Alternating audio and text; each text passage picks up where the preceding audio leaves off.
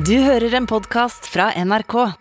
Noe av det som gjør det meningsfullt, virkelig meningsfullt å være programleder i debatten, er at vi har anledning til å informere og opplyse om vesentlige sider ved det norske samfunnet. Og det eh, syns jeg ofte er en, mye mer tilfredsstillende enn bare å lede en ren debatt og sette sammen et rent debattpanel. Vi gjør et helhjertet forsøk denne gangen på å forklare det europeiske strømutvekslingssystemet, og ikke minst det som kan framstå som et kjempeparadoks, nemlig at Norge i perioder etter nyttår nå har hatt en mye høyere strømpris enn de har hatt på kontinentet. Vi har jo blitt fortalt at vi var utsatt for en perfekt storm av diverse uheldige sammenfall, og at så snart det begynte å blåse i Tyskland igjen, og så snart eh, gassprisen sank, så ville vi få mer normale priser. Men så viser vi, og vi forteller og forklarer hvorfor det ikke er så enkelt. Og her er eh, utenlandskablene igjen vesentlige, og det du skal legge merke til der, er dimensjonen på dem. Altså størrelsen på kablene gjør rett og slett at vi får ikke importert billig strøm fra Tyskland, nok billig strøm fra Tyskland, lenge nok til at det smitter over på den norske prisen.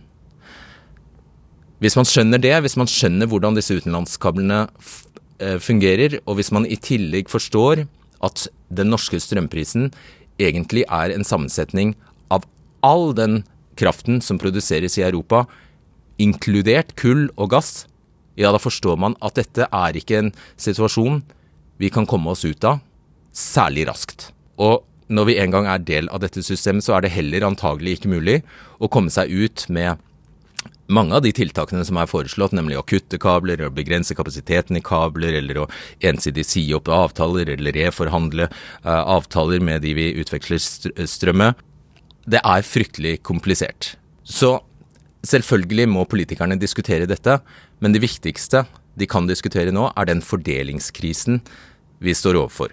Nemlig den, den der staten og det offentlige har gjort seg søkkrik på at vi betaler kjempehøye strømregninger. Det er en overføring som har skjedd fra private husholdninger og bedrifter til det offentlige. Og det gjelder ikke bare strømprisen, det gjelder også selvfølgelig eksporten av gass. Norge tjener masse, masse penger på å eksportere gass. Så det er det vi må diskutere. Hvor kraftig skal den omfordelingen mellom det offentlige og private husholdninger være? Hvor mye skal husholdningene få tilbake, rett og slett? Og det er det vi bruker mesteparten av tiden på i denne debatten, og diskuterer hvor mye skal vi få igjen. Siden nyttår har strømprisene sunket som en stein i Europa. Tyskerne, nederlenderne og britene har til og med fått betalt for å bruke strøm. Samtidig settes stadig nye prisrekorder i Norge. Velkommen til debatten. Og er det ikke merkelig at dette skjer når vi har så masse billig vannkraft og de sa jo at så snart det begynner å blåse igjen i Tyskland og gassprisene synker, ja, så skal vi igjen få levelige priser i Norge. Vel, det blir eh, kanskje mindre merkelig hvis du får vite at idet prisene sank i Europa, skyndte vannkraftprodusentene seg i Norge til å skru av turbinene, så vi ble sittende igjen med en skyhøy strømpris. Velkommen til olje- og energiminister Marte Mjøs Persen. Takk. Og vel møtt til deg, Olav Sylte. Du er initiativtaker til Facebook-gruppa Vi som krever billigere strøm, og som nå har passert 530 000 medlemmer. Ja, Det er registrerte medlemmer. Jeg tror det er de fleste husholdningene i Norge med på den gruppa, enten som registrert medlem eller som anonym medlem. Og med et sånt medlemstall så ville dere vært eh, Stortingets tredje største parti hvis dere satt her. Ja, det er ikke aktuelt å være noe parti. Det kan jeg si med en gang. det var sikkert betryggende for noen å høre her. Eh, jeg tror hvis, Du får rett og slett fortelle oss først hva er det, denne, hva er det de er opptatt av, denne halve millionen? Opptatt av strømregninga. Eh, strømregninga, en økning av strømpriser med én krone, den innebærer faktisk 150 milliarder kroner i økning. Fordi at vi har 150 terawatt 1 terawatt er 1 milliard kilowatt. Det betyr faktisk at øker du strømprisen med 1 krone, så øker du inntektene til staten og utgiftene for vi som skal bruke strøm med 150 milliarder kroner, pluss moms for en stor del av de som bruker strøm. Og øker du med 150 1 krone og 50 øre, så er vi oppe i samme tall som hele personbeskatninga og formuesbeskatninga i Norge. I budsjettet er det 257 milliarder kroner. Masse tall her. Men hva, hva, er, hva føler de, de fleste? Ja, det føler jo at det her er jo eh, et regelrett eh, ran. Det er, det er jo et grovt ran, og det er faktisk forsettlig også. og Det er antageligvis det som er verre enn det også. Det kan være faktisk et brudd, slik som folk opplever så er et brudd faktisk på hele Grunnlovens system om at det er Stortinget som skal dra inn pengene og avgiftene og fordele det. Det er ikke noen direktører rundt om i kraftverk som skal sette prisen på eh, på strømregninga vår. Vi kan høre fra ordbruken din at du er advokat. Du bruker ja, nå ikke si at den ordbruken den, den er brukt i rettssalen. Det var bare et apropos. Du er advokat. sånn er det.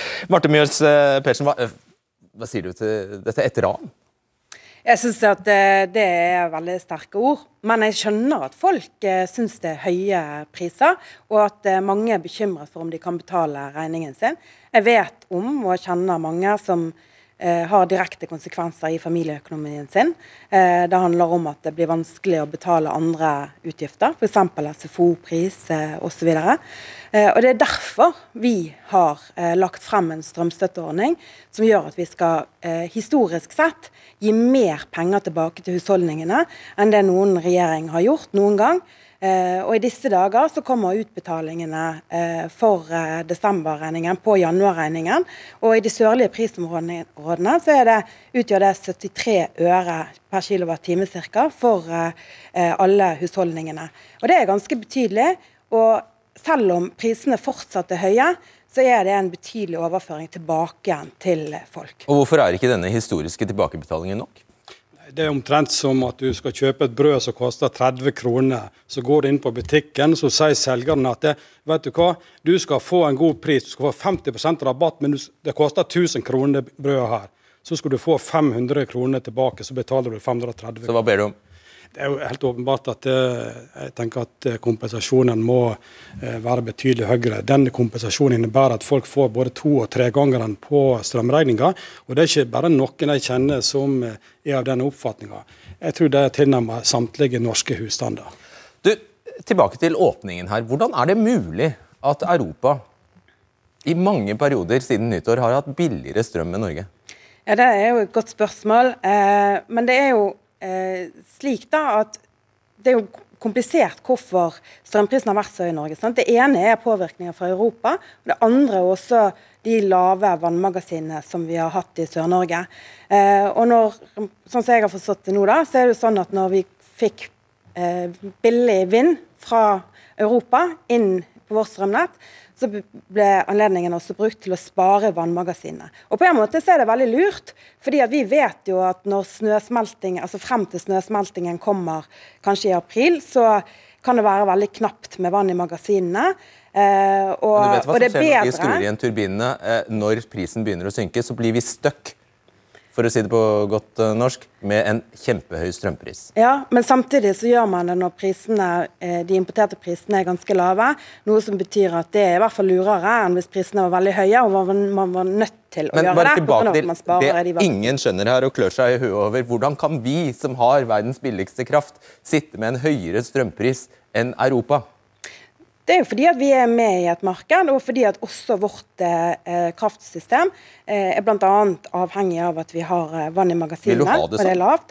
Altså, Markedet har jo noen styrker. sant? På den ene siden så har vi jo også, i det samme markedet som vi da har hatt siden 1991, hatt veldig lave priser. Historisk sett så har vi lagt lavt, og nå er det veldig høyt. Det ja, vil, du markedet, sånn? vil du ha det nei, sånn? Det som markedet er skikkelig dårlig på, det er jo å omfordele eh, og fordele byrdene til folk. Systemet som sørger for, vil, vil, du ha dette systemet som altså sørger for at tyskerne får betalt for å bruke strøm, samtidig som vi betaler langt over to kroner kilowattimen her i Norge?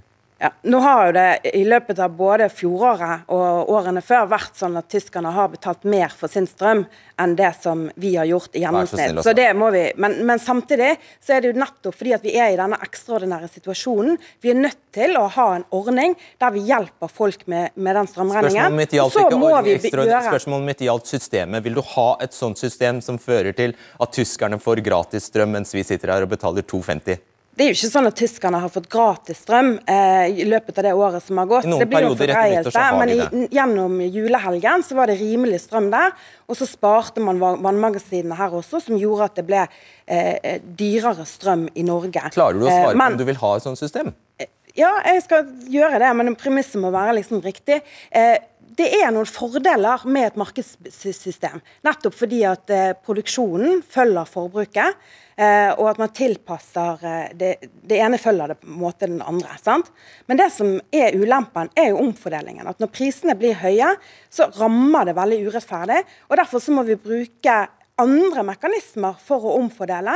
Og så tenker jeg at det også er mulig å gjøre andre grep. Vi trenger å bygge ut mer kraft for å møte den forbruksøkningen. All forbruksøkning den eh, gir høyere priser, så lenge ikke vi også øker kraftproduksjonen. Ja, og vi skal nærmere inn på, vi, Egentlig skal vi bruke mesteparten av sendingen til å snakke om hva dere kan gjøre for å omfordele. da.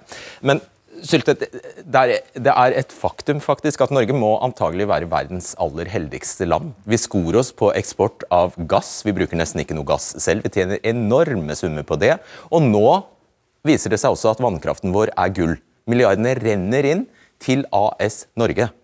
Ingen er så heldige som oss. Nei, og Det kunne også alle landets bakere sagt også, og så solgt eh, brødet til tyskere for 1000 kroner. Jeg tenker det at uh, Vi trenger det vannet vi har. Vi har nok vann, vi har nok kraftressurser. Og så tror ikke jeg det at det er slik at uh, de her kraftprodusentene stenger krana. Jeg tror det, de, de produserer 400-500 megawatt hver dag, og det gjør det nå også. Men de sier det at hvis vi, nå stenger vi det, men det de gjør, er at de, de legger prisen så høyt inn på Nordpol da, at, eh, at eh, de får den prisen. For vi må jo ha den strømmen.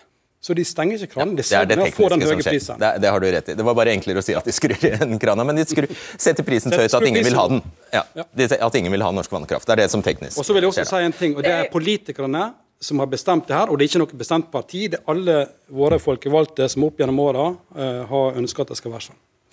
Altså nettopp det, Kall det om de skrur igjen krana, eller om de setter prisen så høyt at ingen vil betale for uh, norsk vann, vannkraft. Det går jo egentlig for det, for det samme. Uh, mener du da at norske kraftprodusenter gjør jobben sin? Altså, eh, norske kraftprodusenter gjør jo jobben sin med at de produserer kraft eh, med tanke på det forbruket som er der ute, og at de følger markedet. Sant? Og Så tror jo jeg at eh, også norske kraftprodusenter eh, gjerne kan tenke seg om med tanke på hvordan man eh, husholderer med magasinene. For det er jo klart at det er viktig for eh, også norske kraftprodusenter at vi har nok Eh, vann i magasinet. Ja, nå er vannmagasin, ja, nå er f.eks. fyllingsgraden 12% under det den normalt er på ja. akkurat eh, denne tiden. Når skal du som statsråd sette, sette eh, foten ned og si nå er nok? Ja, altså alle vannmagasiner, vi har over 1000 vannmagasin i Norge, har ulike krav til hvordan det skal være. og Det handler eh, jo om at også de vannmagasinene er forskjellige. Det er ulike krav knyttet til vannføring, til, eh, til, til og, og, det er jo Eh, det skal jo følges opp, bl.a. Ja, av NVE. Kraftprodusenten kommer ikke til å høre på, på, deg når du sier at de kan begynne å tenke litt mer på husholdering. Det, det øret kommer de ikke til å lytte til. Nei, men det som er da, er at Hvis du skulle for sette en standardkrav til magasinfylling i Norge, eh, så passer ikke det nødvendigvis for de 1000 ulike vannmagasinene. Eh, og Det som er faren med å sette et Eh, et krav som er likt for alle, det er jo at vi kan få mer skadeflom, eh, bl.a. Eh, fordi at i dag så er det jo viktig å også sørge for at vannmagasinene ikke blir for fulle når snøsmeltingen kommer, slik at vi får flom på bakgrunn av det. Men det er viktig at vi har eh, kraftproduksjon i Norge som gjør at vi vi har eh, sterk forsyningssikkerhet, og vi er en del av et marked som også er med på å gi forsyningssikkerhet til forbrukerne i Norge. Skal få avrunde i denne omgang. Altså, jeg, har hørt, eh, og jeg tror alle norske husholdninger har hørt alle mulige slags forklaringer. Alt fra gass og ulike omstendigheter rundt om i Europa og i Norge, og hvor store mengder som tappes og ikke tappes. Jeg tror ikke det Eh, overbevise verken meg eller noen andre. Dette er veldig enkelt.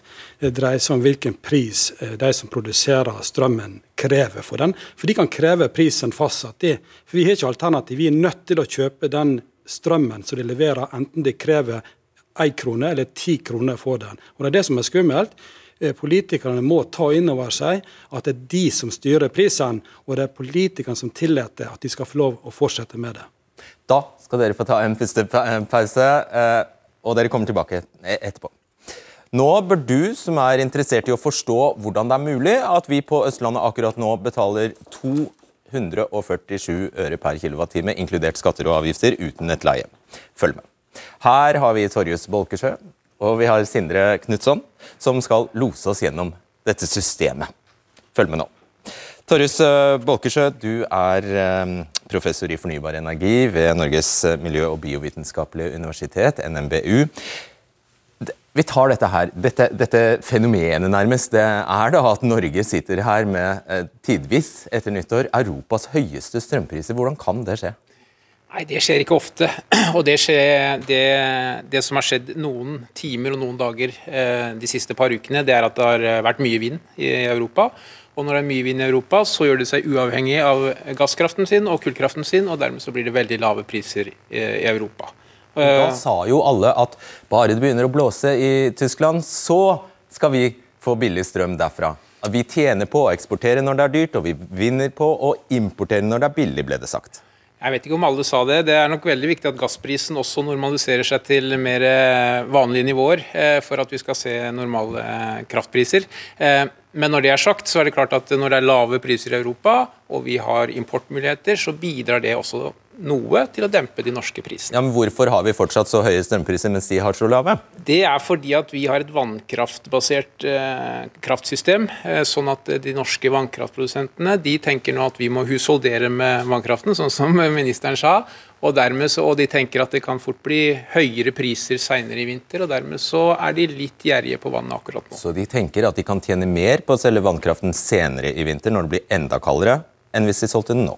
Ja, det, sånn kan du si det. Du kan også si det sånn at de tenker at det vil bli større behov og høyere priser senere i vinter, og da kan det være lurt å spare litt på vannet nå. Ja. Hva er det vi ser her? Her ser vi en figur som viser gjennomsnittlig kraftpris i henholdsvis København, i Sør-Norge og i Nord-Norge i perioden fra 2000 til 2020, eh, altså i 20-årsperiode. Det er den blå søylen? Det er den blå søylen. 30 øre i snitt.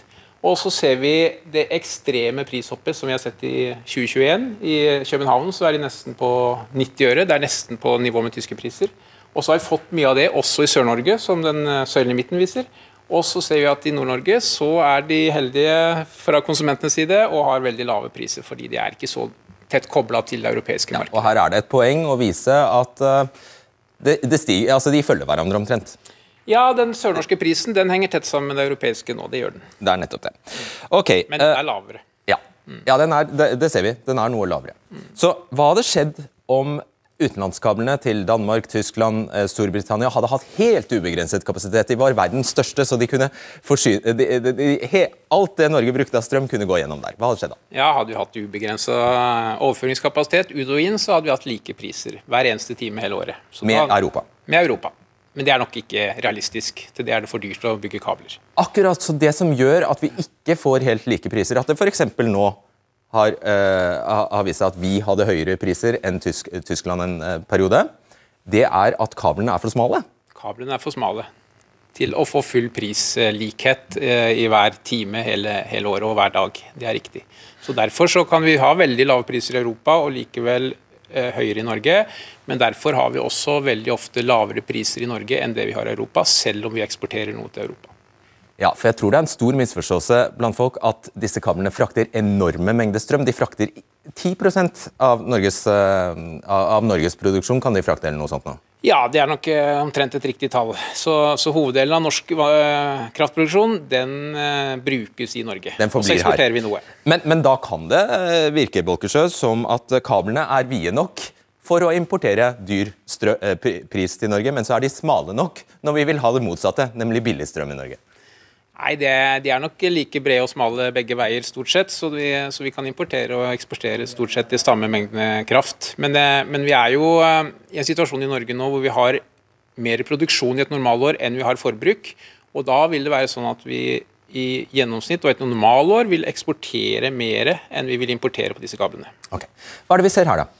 Ja, Her ser vi eh, litt nærmere på eh, ukesprisene for kraft. og Det er den nordiske systemprisen og det er den blå linja. og vi ser det at det Første halvår var det egentlig priser som var litt høye, men, men eh, prisnivåer som vi har sett før. og Så ser vi at det er nå på høsten og vinteren ja, at blå, prisene altså, virkelig er satt. Ja, ikke sant? Det er den blå linja er 2021, og så ser vi den kjempehoppet eh, rett før jul her. Det er riktig. og Det henger sammen med at gassprisene og kullprisene og kvoteprisene i Europa eh, steg til nivåer vi aldri har sett før, og vi er kobla til det europeiske markedet. Og den stripla linja, den oransje, den viser det man, markedet tror vil skje. Det viser hva markedet tror vil skje, eh, enkelt sagt, eh, for 2022. Og Da ser vi at det ventes høye priser eh, utover vinteren, men så er det lys i enden av tunnelen for forbrukerne. Det ser ut som, hvis markedet får rett, vel å merke, at, eh, at vi går mot eh, lavere priser. Men det henger annet ja. Hva da, rundt sommeren? Så tidlig Ja, når vi kommer inn i,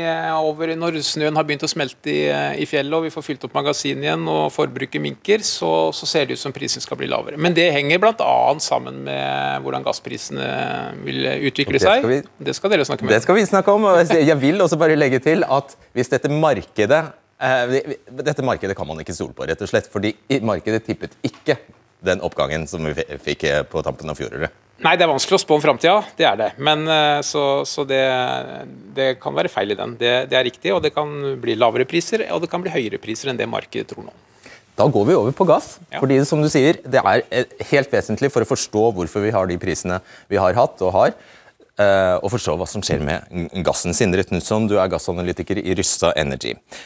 Altså, Er det riktig å si at på toppen av disse skyhøye eh, strømprisene, kraftprisene, som altså skyldes en hel rekke ting, bl.a. CO2-pris og sånn, så kommer det altså Og vi har jo blitt, har- så, så har vi blitt utsatt for det, en såkalt perfekt storm, har det blitt sagt. Nemlig en gasspris som føyk i været med over ja, hva var det, 1000 eller noe sånt noe. ja. Og lite vind i, i, i Tyskland. Og en generell strømkrise Ja. i Europa. Men hva har skjedd med gassen? Ja, altså Dette har jo ført til høy etterspørsel etter gass, og sammen da med lavere produksjon i Europa og mindre import, og da sammen med høyere kullpriser, høyere karbonpriser og høyere LNG-priser, så har dette drevet opp LNG, gass. hva er det for noe? Det er da flytende eh, import av gass på skip. Eh, og sammen med høyere karbonpriser også har det drevet opp gassprisene, og også strømprisene i Europa. Og, og, og Det er viktig å se på gassprisene for å forstå strømprisene i, i Europa. Pga. at gass er den dyreste måten nå å generere strøm. Hvis du ser på fornybar, altså vann, som vi har i Norge, vind og sol, så er det tilnærmet gratis når du ser på de variable kostnadene.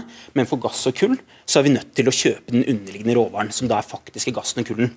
Eh, og hvis vi ser her nå på den grafen her, så ser vi hva det koster å lage strøm i Europa ved å bruke eh, gass og kull. Den røde eh, linjen her viser gass, og da ser vi at tilbake i midten av 2020 så kosta det kun 25 øre å lage 1 kWt med, med strøm fra gass i Europa. Og den har økt og nådd nå 4 kroner per kWt i desember, før den da har falt litt. Og så Den svarte er jo kull, og dere ser at eh, på et tidspunkt her så ble det billigere å produsere kull enn gass. Ja, og Vi lager strøm da med, med kull versus gass. Ja, si. så, så da har vi også sett en, et bytte, at, at, at strømsektoren bytter mer mot kull fra gass. Akkurat. Og så håper vi jo at dette er et, eh, no, noe forbigående nå, at eh, gassprisen skal være så skyhøy, siden vi skjøn, har nå skjønt at den kom på toppen av vår egen strømpris, og vi får den, får den bare servert. Men der har du ikke nødvendigvis gode nyheter til oss. Nei, altså Vi ser høy gassetterspørsel gjennom vinteren, primært da til oppvarming. Eh, og vi ser også en ekstra etterspørsel etter gass for å fylle opp lagrene gjennom det kommende året. Så Hvis vi ser på lagertallene, eh, gasslagertallene i Europa, så ser vi at vi ligger på et rekordlavt nivå. Ja, Forklar hva som er hva her. Ja, Den blå linjen viser de lagertallene vi hadde nå mot slutten av 2021. Og Da ligger vi da betydelig under det nivåene vi lå på i 2020, og langt under dette her femårige Ja, det, det grå skraverte området her, det er det som er vanlig i løpet av en femårsperiode. Altså et intervall, egentlig. da. Akkurat. Og vi ligger da mye lavere enn det. og det vil si at Vi kommer til å trenge ekstra mye gass i sommer til å fylle opp disse lagrene før inn mot neste vinter. Og det er dårlig nytt, fordi det kan fortelle oss både at her er det mange flere som vil kjøpe gass enn det det er gass til. Og det betyr hva skjer med prisen da? Da setter det prisen oppover. Så dette er virkelig en god temperaturmåler på balansen i gassmarkedet, også hvordan prisdannelsen vil bli. Og så tror jeg vi tar en uh, grafikk til. Uh, hva, uh, fordi Russland er egentlig det, det starter og slutter med Russland, dette. Det kan du si. At, at Det er viktig å se på de russiske volumene. Russland eh, leverer ca. 30-40% av gassetterspørselen i Europa. Og Her ser vi nå på utviklingen i russisk eksport til Europa over det siste året. Og da, jeg tror jeg skal ilde til. Glem den, det hakket der i midten. Det hakket i midten er vedlikehold, så det kan vi se bort ifra. Ja. Men vi ser da en fallende eh, import fra Russland gjennom det siste halvåret. Drevet av den ruten som går gjennom Ukraina, spesielt nå gjennom de siste to ukene. Men vi ser også at ruten gjennom Polen så den har falt betraktelig. Polen er blå, Ukraina er grønn. Grønn, ja, akkurat. Og faktisk, hvis du ser på de flåene som har gått volumene gjennom Polen, de går da vanligvis fra Russland eh, via Polen inn til Europa. Over de siste 17 dagene har de gått nå motsatt. Eh, så de har gått, gått da fra Tyskland inn til Polen. Så netto har vi sett mye mindre volumer eh, fra Russland inn til det europeiske markedet. Og dessverre, dette kommer ikke til å bedre det vi her ser, at det kommer mindre russisk gass inn til Europa når Europa trygler og ber om mer gass. Ja. Det kommer ikke nødvendigvis til å bedre seg før Nord Stream 2. Hva er det for noe? Ja, Dette er en ny rørledning som, eh, som eh, er nå ferdig, men det mangler en godkjenning fra både Tyskland og EU. Og den, eh, Tyskland sier at den rørledningen kommer ikke til å bli godkjent før andre halvdel av 2022. Ah. Og, ja, og akkurat, og Da sier også Russland at inntil, inntil det skjer, før den får lov til å starte opp, så kommer ikke Russland til å øke volumene til Europa betraktelig. Så dette er jo da en stor eh, prisdriver inn i det kommende året for det europeiske gassmarkedet. For eh, Hva er det som skjer i Russland? Hvorfor vil de ikke gi oss gass? Nei, altså det, det har vært mange unnskyldninger der om at det har vært høyt etterspørsel i Russland. Eh, og at de sier også at det har ikke vært etterspørsel nok i Europa. til og med. At, eh, så de, men de sender eh, og leverer på kontraktene sine, men de leverer ikke noe mer enn det. Så de har ikke kommet inn og reddet det europeiske gassmarkedet. for å si det sånn. Så altså eh, Beklager å måtte si det, men eh, dette betyr folkens, at eh, norske strømkunder er i Gazproms og Putins vold. Delvis, det kan du si. Ja, vi er det. Mm. Ja, Det har veldig stor, stor betydning, ettersom de leverer 30-40 Uff. eh, Så vil det være en, en, en viktig driver, ja. Ok, hvordan vil dette, og, eller, eh, bare, Du nevnte LNG, altså flytende gass. Eh, det kommer på toppen av dette her. Ja. Dette kommer på toppen av det hele. Vi importerer også mye LNG i Europa, og det er da gass fra det globale markedet. Så det vil, og Vi forventer å se høy eh, pris på LNG-en også det kommende året. Og, og vi er da på en måte utsatt for ting som skjer i det globale markedet. Så det vil si at Hvis Kina bestemmer seg for å importere veldig mye mer volumer, så vil det også påvirke det europeiske markedet og balansen, ettersom Europa må inn og konkurrere med andre kjøpere. Eh, Så det kommer på toppen av det hele. Så det er virkelig et globalt marked vi må forstå for å forstå da gassprisene i Europa og strømprisene. Og det vil da igjen også påvirke de prisene vi har i Norge. Ok, Oppsummert, hvor høye lenge må vi tåle høye strømpriser pga. gassen? Eh, Jeg kan si at Gassprisen kommer til å fundamentalt sett holde seg høye gjennom det kommende året, selv om de skal falle litt inn mot sommeren, drevet av sesongvariasjoner. Men dette vil da holde prisene på kontinentet og Europa oppe, og så får vi se om det smitter over til Norge eller ikke. Der fikk vi den. Takk skal du ha. Takk skal dere ha. Ok, Nå kunne vi fortsatt å diskutere hele det grønne skiftet, om hvordan Norge skal bidra med vannkraften eventuelt. Vi kunne diskutert om vi har behov for mer fornybar energi i det hele tatt, og om vi vil ha de naturinngrepene det medfører. Men ingen av de løsningene vi da kunne ha diskutert, har noe med strømregningene som svir akkurat nå å gjøre. Så Derfor lar vi den neste runden handle om hva politikerne her og nå kan gjøre, vil gjøre, for at folk skal komme seg gjennom vinteren uten knekt økonomisk rygg. Til å begynne med deg igjen, eh, Sylte. Altså, du var inne på det. Eh, Finansdepartementet har regnet ut at de ekstraordinært høye strømprisene i fjor ga, eh, ga staten inntekter, det offentlige inntekter, på 28 milliarder kroner. Det er altså, hvis jeg har forstått rett, 17 milliarder mer enn vanlig. Hva kaller du det, Eh, bortsett fra et ran, for det sa du i sted. Hva er det for noe? Er det, er det, er det skatteøkning? Hva er det for noe? Eh, først vil jeg si at Tallet er mye større hvis man tenker på årsbasis. Men, men jeg tenker at eh, det, det som jeg sa i stad, det er bakeren som prøver å selge brød til 1000 kroner og overbevise om at det er kjempegodt kjøp fordi du får 50% rabatt og betaler bare 500 kroner. Ja, akkurat. Ole André Myhrvold, du er stortingsrepresentant for eh, Senterpartiet. Eh, Du sa rett før jul at en kraftfull strømpakke eh, var presentert av dere, regjeringen, som vil gi folk trygghet gjennom vinteren. Og det betyr at den strømpakken var godt nok? det? Det Ja, vi mener at eh, Vi står nå i en akutt situasjon, og vi er opptatt av å trygge hverdagen til folk. Og Da mener jeg at denne pakka, som Stortinget klarte å få på få plass for 16 dager siden, det er ikke mer siden, eh, det er eh, en god inngang for å eh, ta ned den akutte situasjonen folk nå står i. Eh, og Nå har vi allerede resultatet. Den viser at vi eh, dekker 73 øre per kWt i Sør-Norge. Det er et godt bidrag. Så ser jeg at mange har utfordringer fortsatt. Eh, De fleste vil ha mer, tror jeg. ja, de fleste vil ha mer, og det er det ingen tvil om. Og jeg registrerer at regjeringa sier at de følger situasjonen nå løpende. Eh, og det gjør vi også. Vi følger denne situasjonen løpende. Men så er det også viktig å se på de langsiktige hvor lenge skal dere holde på med det? Nei, Vi følger dette fra dag til dag nå, og så men jeg mener også at det er viktig at vi ikke står i denne situasjonen neste år. Fredrik. Og Da er vi også nødt til å se på de langsiktige tiltakene. Vi er nødt til å snu hver eneste stein i energipolitikken. Vi må gå inn og se på hvilke konsesjonsvilkår eh, kraftkablene eller utenlandskablene er under, eh, sånn at vi ikke står i denne situasjonen. Her ble det sagt at vi kommer til å ha vedvarende høye gasspriser i Europa. Det påvirker de norske prisene. Vi må ha funksjoner som gjør at vi har kontroll på norske prismekanismer. Vi skal få komme tilbake til det, men akkurat da, vi bare prøver å holde oss til de konkrete strakstiltakene nå. Uh, Are Thomas Gaard, du er LO-sekretær. Er du enig i at dette først og fremst egentlig er en uh, fordelingsmessig Altså det, er snakk om fordeling? Den akutte situasjonen så handler det om fordelinger. Norge tjener i bøtter og spann på energi. Det er ingen i Europa som syns synd på Norge. Eh, vi har store inntekter. Det er ikke noe økonomisk krise i Norge, men husholdningene er på vei inn i økonomisk krise. Og vi frykter for, for en del av næringslivet, også fordi at disse kostnadene kommer til å gjøre seg gjeldende. Så, så, det er helt åpenbart. Eh, dette er en situasjon som vi står i akutt, og som vi må løse akutt nå. Så må vi se langsiktig. Vi må få i gang en energikommisjon. Vi må se på hva vi kan snu på alle steiner. Og så, så se hva vi kan komme ut, ut av, så unngå å ha denne situasjonen langvarig. Men her og nå så er det penger, og vi må finne løsninger. Folk kan ikke ha disse kostnadene. Nei. Så uh, Landsorganisasjonen, som da mener vi har et problem med fordeling i denne situasjonen, hva krever dere av regjeringen? Utgått av Arbeiderpartiet. Nei, altså Noe no konkret krav står ikke jeg her og kjører, kjører linja, men vi er i dialoger. Og vi ser jo det at, eh, vi ser jo det at vi, den, den eh, ordningen som regjeringen la fram, støtteordningen som la fram, den er god fordi at han treffer det som er formålet. Han treffer i tid på kostnad. Han treffer på Pengene blir ikke brukt til noe annet som kanskje en kontantutbetaling ville blitt gjort. Men det er ikke nok penger i ordningen. Nei, altså, vi, vi, vi må omfordele. Ja. Nei, det får vi komme tilbake til, og det diskuterer vi hele veien. Og vi er i dialoger. Men for å si det sånn, det, det, jeg har aldri i min tid og vært med 30 år i politikken, aldri opplevd at uh, folk har en så stort engasjement og så så mye, og det er ikke så rart. Det treffer alle lommebøker. treffer alle bunnlinjer. Thomas Gahr, når- Peggy Hessen Følsvik, LO-lederen, går ut og krever strømpakke 2.0, og så sier du vi kan ikke si hva vi krever?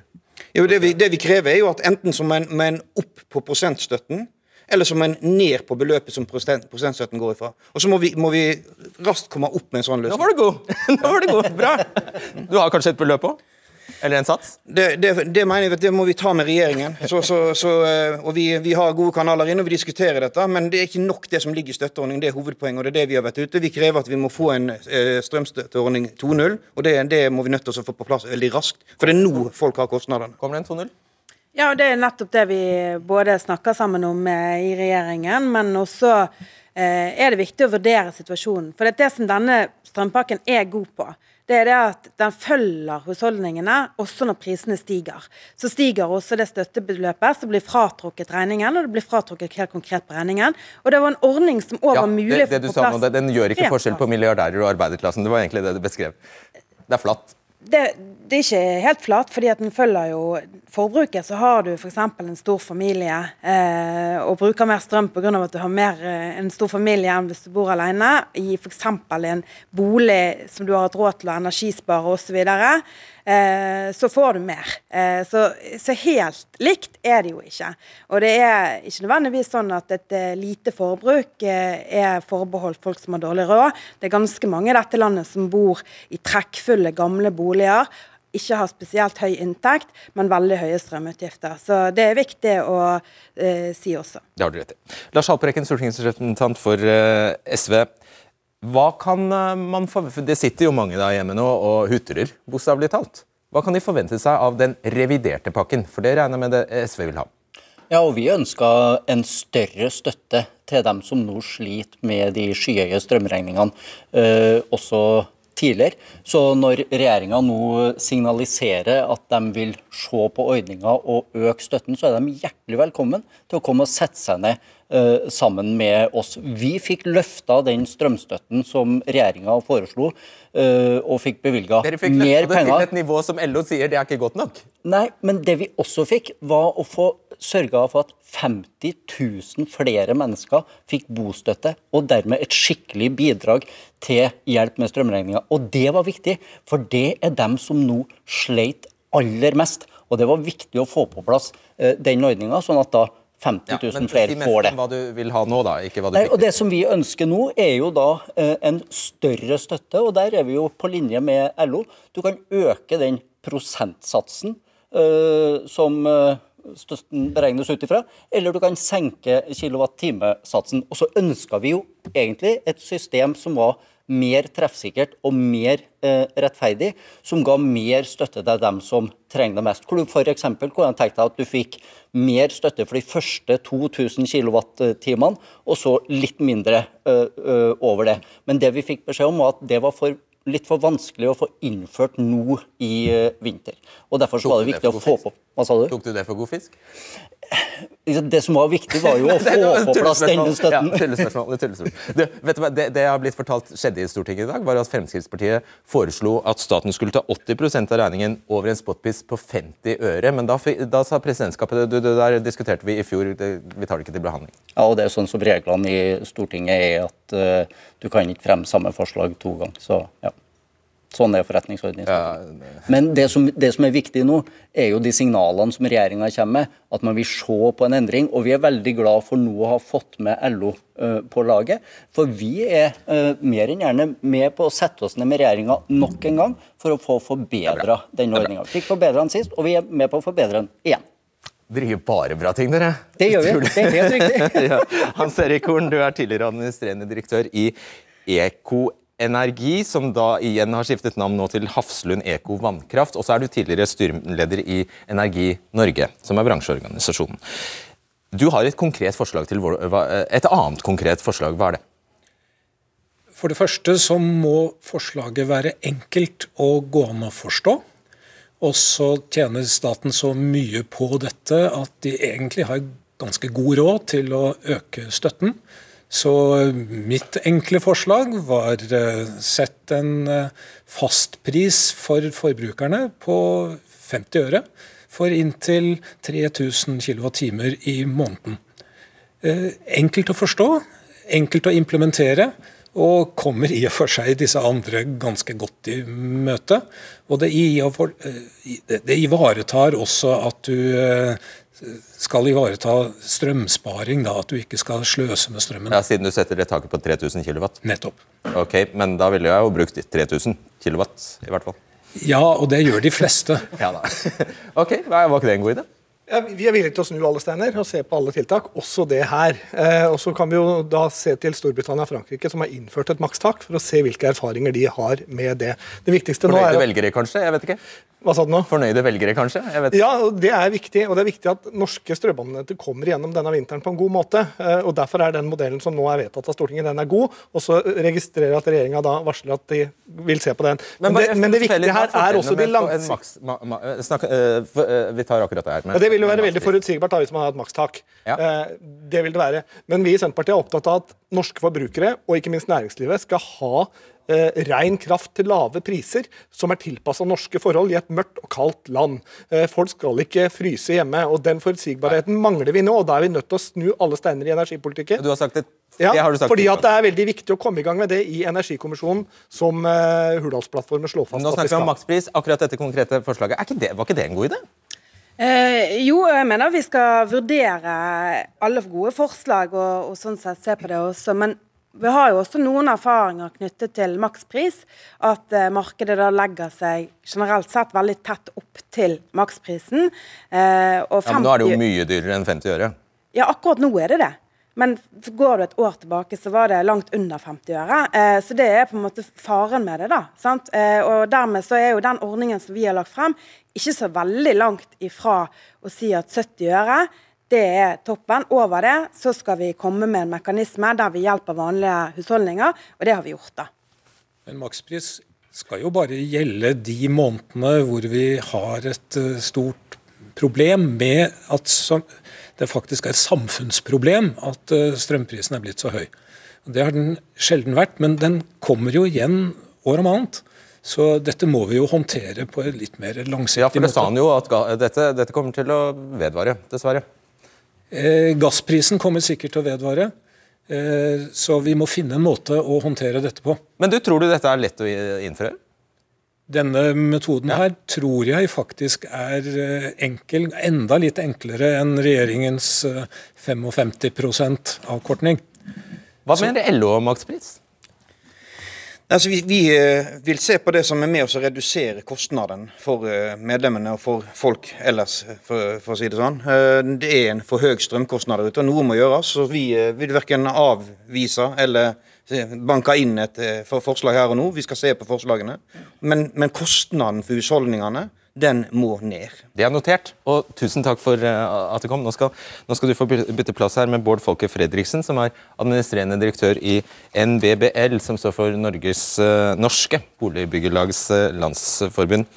Du har en annen løsning på strømkrisen. Hva er den? Ja, For å være helt konkret, så tror jeg det viktigste som man kan gjøre for å unngå nye strømkriser, er at regjeringen oppfordrer folk til å oppgradere egne boliger og, energi, og energisparer. Og Det regjeringen burde gjøre, er jo nå å fortelle Enova at Enova bør gjeninnføre enøkstøtte til norske boliger. Støtte til etterisolering, støtte til å bytte vinduer, dører. Er det avviklet? Ja, det den type støtte som Enova drev med i mange år, og krev, fortsatt krever inn en avgift for å finansiere, er avviklet. De går til teknologi og industri og andre ting. Men det faktisk å gi støtte til at borettslag, sameier og boligeiere over hele landet kan etterisolere husene sine, vil gi familier varig vern mot fremtidige høye strømpriser, ved at man rett og slett bruker mindre energi til å varme opp husene. Men, eh, altså bare, og For å klargjøre hvem du eh, representerer. Dere er boligbyggelag. Det er ikke gitt at alle skjønner uh, hva det innebærer. Dette er uh, folk som bor i leiligheter i blokker. Ja, akkurat som statsråden sa, så er det mange mennesker som bor i gamle, trekkfulle leiligheter. Ikke, nye boliger er veldig godt isolert, men eldre boliger er jo ikke det.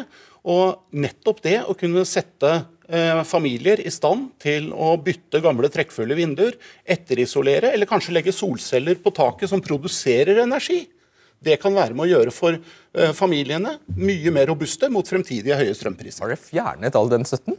Nei, det har vi ikke. Eh, blant annet så har vi i statsbudsjettet som eh, ble vedtatt rett før nyttår, økt støtten til Enova. Og så er det jo heldigvis også sånn at det er mange som har skiftet til varmepumpe og gjort en del av disse tingene. Men jeg er helt enig. Vi er nødt til å få opp. Og en annen ting som vi vedtok, og som vi skal begynne å jobbe med nå, det er jo en plan for å, å spare 10 TWh, som vi er enige med Senterpartiet og SV er enige om at vi skal gjøre det. Eh, og det jobber vi med og skal gjøre. Jeg er helt enig i at ja, en viktig del av det Strømpakke 2, kommer, det, kommer det støtte til, med, med, støtte til dette som Folke Fredriksen Det er kommet mer støtte til Enova eh, og akkurat det som Folke Fredriksen spør om i eh, statsbudsjettet for eh, det inneværende året som vi er i nå. Eh, og så betyr jo ikke det at ikke man kan bruke også denne situasjonen vi er i nå, til å gjøre enda mer. Og der er jo f.eks. borettslagene en viktig, støtte, viktig, samarbeidspartner, tenker jeg, for å få til noe som, som går ytterligere ut på energisparing. Og det er vel og bra med mer penger til Enova, det er jeg helt enig i. Men det burde jo bare mangle ettersom det er husholdningene som hvert år betaler en avgift og finansierer Enova uten å få penger igjen. Men man må også gjøre noe med selve strukturen, for de ordningene som er der i dag, treffer ikke husholdningene. De klarer ikke å bruke opp de pengene de har. Til tross for at det finnes masse gode energisparingstiltak som kan skje i borettslag og i sameier og i vanlige boliger over hele landet. Uh, Haltbrekken, Hva er uh, poenget med at staten skal subsidiere? Det er jo ikke slett ikke alle borettslag eller uh, ja, borettslag som har bunnskraptkasse. Mange av dem har formuende, mange har masse penger. Hvis de selv tjener på å spare strøm, hvorfor i alle dager skal staten betale for det? Det som vi er nødt til å gjøre nå, er å gå målretta inn mot de familiene som har dårligst råd, lav inntekt som bor i gamle, trekkfulle leiligheter eller hus, og sørge for å få satt i verk energieffektiviseringstiltak eh, der. Vi har kommunale bygg eh, i eh, Norge som en god del av dem er i ganske dårlig forfatning. Her kan man gå inn via kommunene og få satt i verk enøktiltak som, og Folke Fredriksen sier det ganske godt, gir folk et varig vern mot skyhøye strømpriser og senke energiforbruket. men sikre at folk har like mye lys og varme i eh, leiligheten sin som Men sparedusj. Hva sa du? Men sparedusj. Det også, men det er ikke det eneste. Det viktigste her er å få etterisolert boligen, som gjør at du uh, slipper å bruke så mye strøm til oppvarming. Og det som vi må gjøre, er å få målretta dette. Og det er jo helt riktig, som Bård Folke Fredriksen sier også, at uh, støtten fra Enova har, uh, til vanlige folk har vært bygd ned over år, særlig av den forrige regjeringa. Du, Er det noe sug i denne Facebook-gruppa etter enøktiltak? Nei. Og jeg, jeg, tenker det er ganske teoretisk. NVBL som kommer med et sånt forslag, det høres jo veldig fint ut. Det kan vedta at det skal være fint vær neste år. Liksom. Altså, det koster 200 000 eller 300 000 kroner å skifte isolasjon, skifte kledning og isolere. Kanskje koster det 500 000 eller 700 000. Det her er jo teori. Det er ikke sånn vanlige folk uh, har det. Og jeg tenker også at det, det, er ikke mange det dreier seg om det her. Det er ikke folk flest. Det, det er samtlige. Det er samtlige norske husstander. Det er over to millioner husstander som ber om at myndighetene nå løser det her ganske raskt. Og Det er akutt, og det må være raskt. Det kan ikke vente en måned eller to. Det må komme nå. Og eh, jeg tenker at det gjenspeiler det som eh, er da uttrykt på denne gruppa, som da faktisk besøkes av eh, over en million per døgn. Da. Jeg tror det er 15 millioner nå de siste ukene som har vært innom. Så Da kan politikerne mene hva de vil, men, men det er faktum. Eh, og så skal ikke jeg si noe mer enn det. Men dette står ikke i motsetning til hverandre, for du er nødt til å gjøre begge deler. Du er både nødt til å få på plass en god støtteordning til folk som sliter med de skyhøye strømregningene nå, og du er nødt til å få intensivert energieffektiviseringsinnsatsen. Uh, og så er det selvfølgelig sånn, det er ikke så mange som kommer til å etterisolere uh, boligen sin midt på vinteren når det er som kaldest. Men vi må sørge for at dette kan skje i løpet av våren og sommeren, sånn at vi kan gi beskyttelse uh, og sørge for at folk får varige lavere ja, strømregninger. Det, det er greit, Haltbrekken, men du tar vel til deg det Sylte sier, at disse, denne halve millionen som er engasjert på Facebook-gruppa, de er opptatt av at de ikke klarer å betale regninga. Ja, og derfor er vi nødt til å gjøre noe med strømstøtten, uh, som er det krisetiltaket vi har uh, framforhandla uh, før jul. Og så er vi nødt til i tillegg å gjøre noe med enøkinnsatsen. De to tingene må vi gjøre begge deler. Vi kan ikke si at vi gjør det ene og ikke det andre. Vi må gjøre begge deler. Regjeringen har tidligere anført Horn, at en makspris kan skade konkurransen i markedet. Og at ja, det faktisk kan føre til det motsatte av det man ønsker å oppnå, nemlig en høyere pris. Mjøs Persen var jo så vidt innom det, at man, kanskje produsentene må legge seg akkurat opp til 50 øre. Hvis de legger seg akkurat opp til 50 øre, så har de jo faktisk redusert prisen i forhold til det de forventer eh, i de tre månedene vi snakker om. Så jeg vet ikke hvor godt det argumentet egentlig bærer. Eh, men jeg er mer opptatt av hvordan skal vi la være å komme i en sånn kinkig situasjon en gang til. Hvordan skal vi utvikle et strømmarked som gjør at folk har en forutsigelighet på strømprisen sin?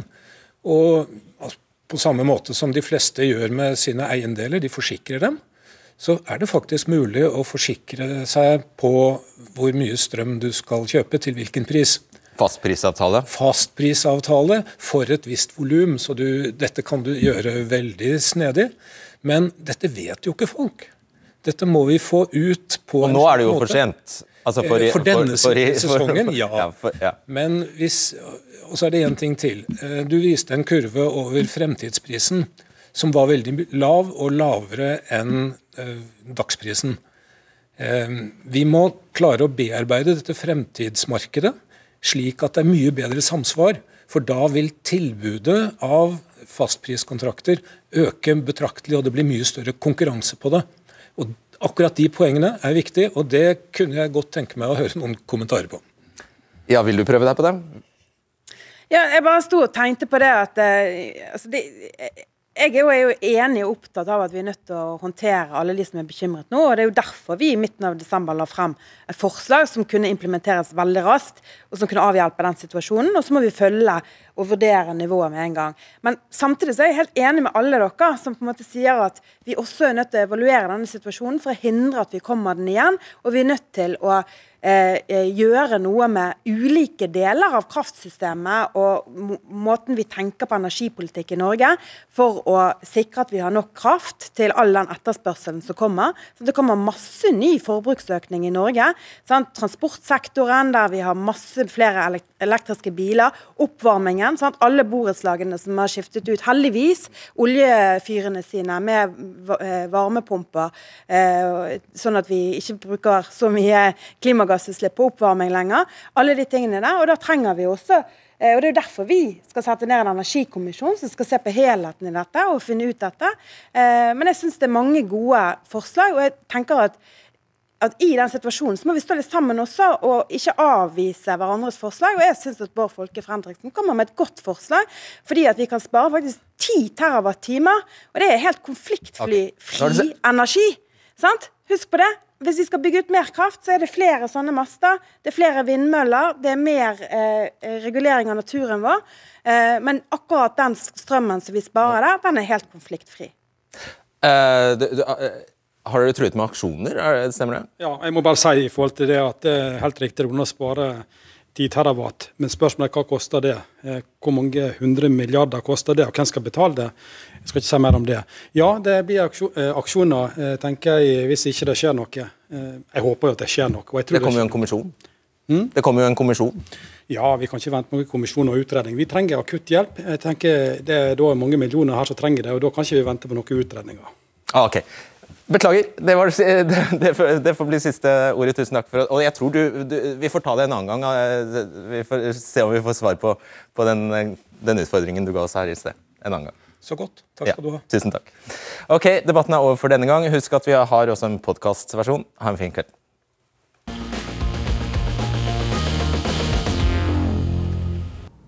Ja, jeg tror det er verdt å merke seg at de aller fleste ble bundet til masta her, og det var, jeg tror det vanskelig skal gjøres nå å komme seg unna en eh, strømpakke 2.0. Det virker sånn. Så om ikke annet så oppnådde vi det. Vi fikk jo ganske tydelige lovnader om at det vil komme noe mer. Og så håper jeg vi forsto at alle lettvinte løsninger på hvis man eventuelt vil ut av dette europeiske eh, kraftutvekslingssystemet, skal man stille seg ganske skeptisk til. Det finnes ingen enkle løsninger her. Ok, jeg tror det får bli siste ordet. Takk for at du hører podkasten av Debatten. Så høres vi igjen. Ha det. Du har hørt en podkast fra NRK. De nyeste episodene hører du først i appen NRK Radio.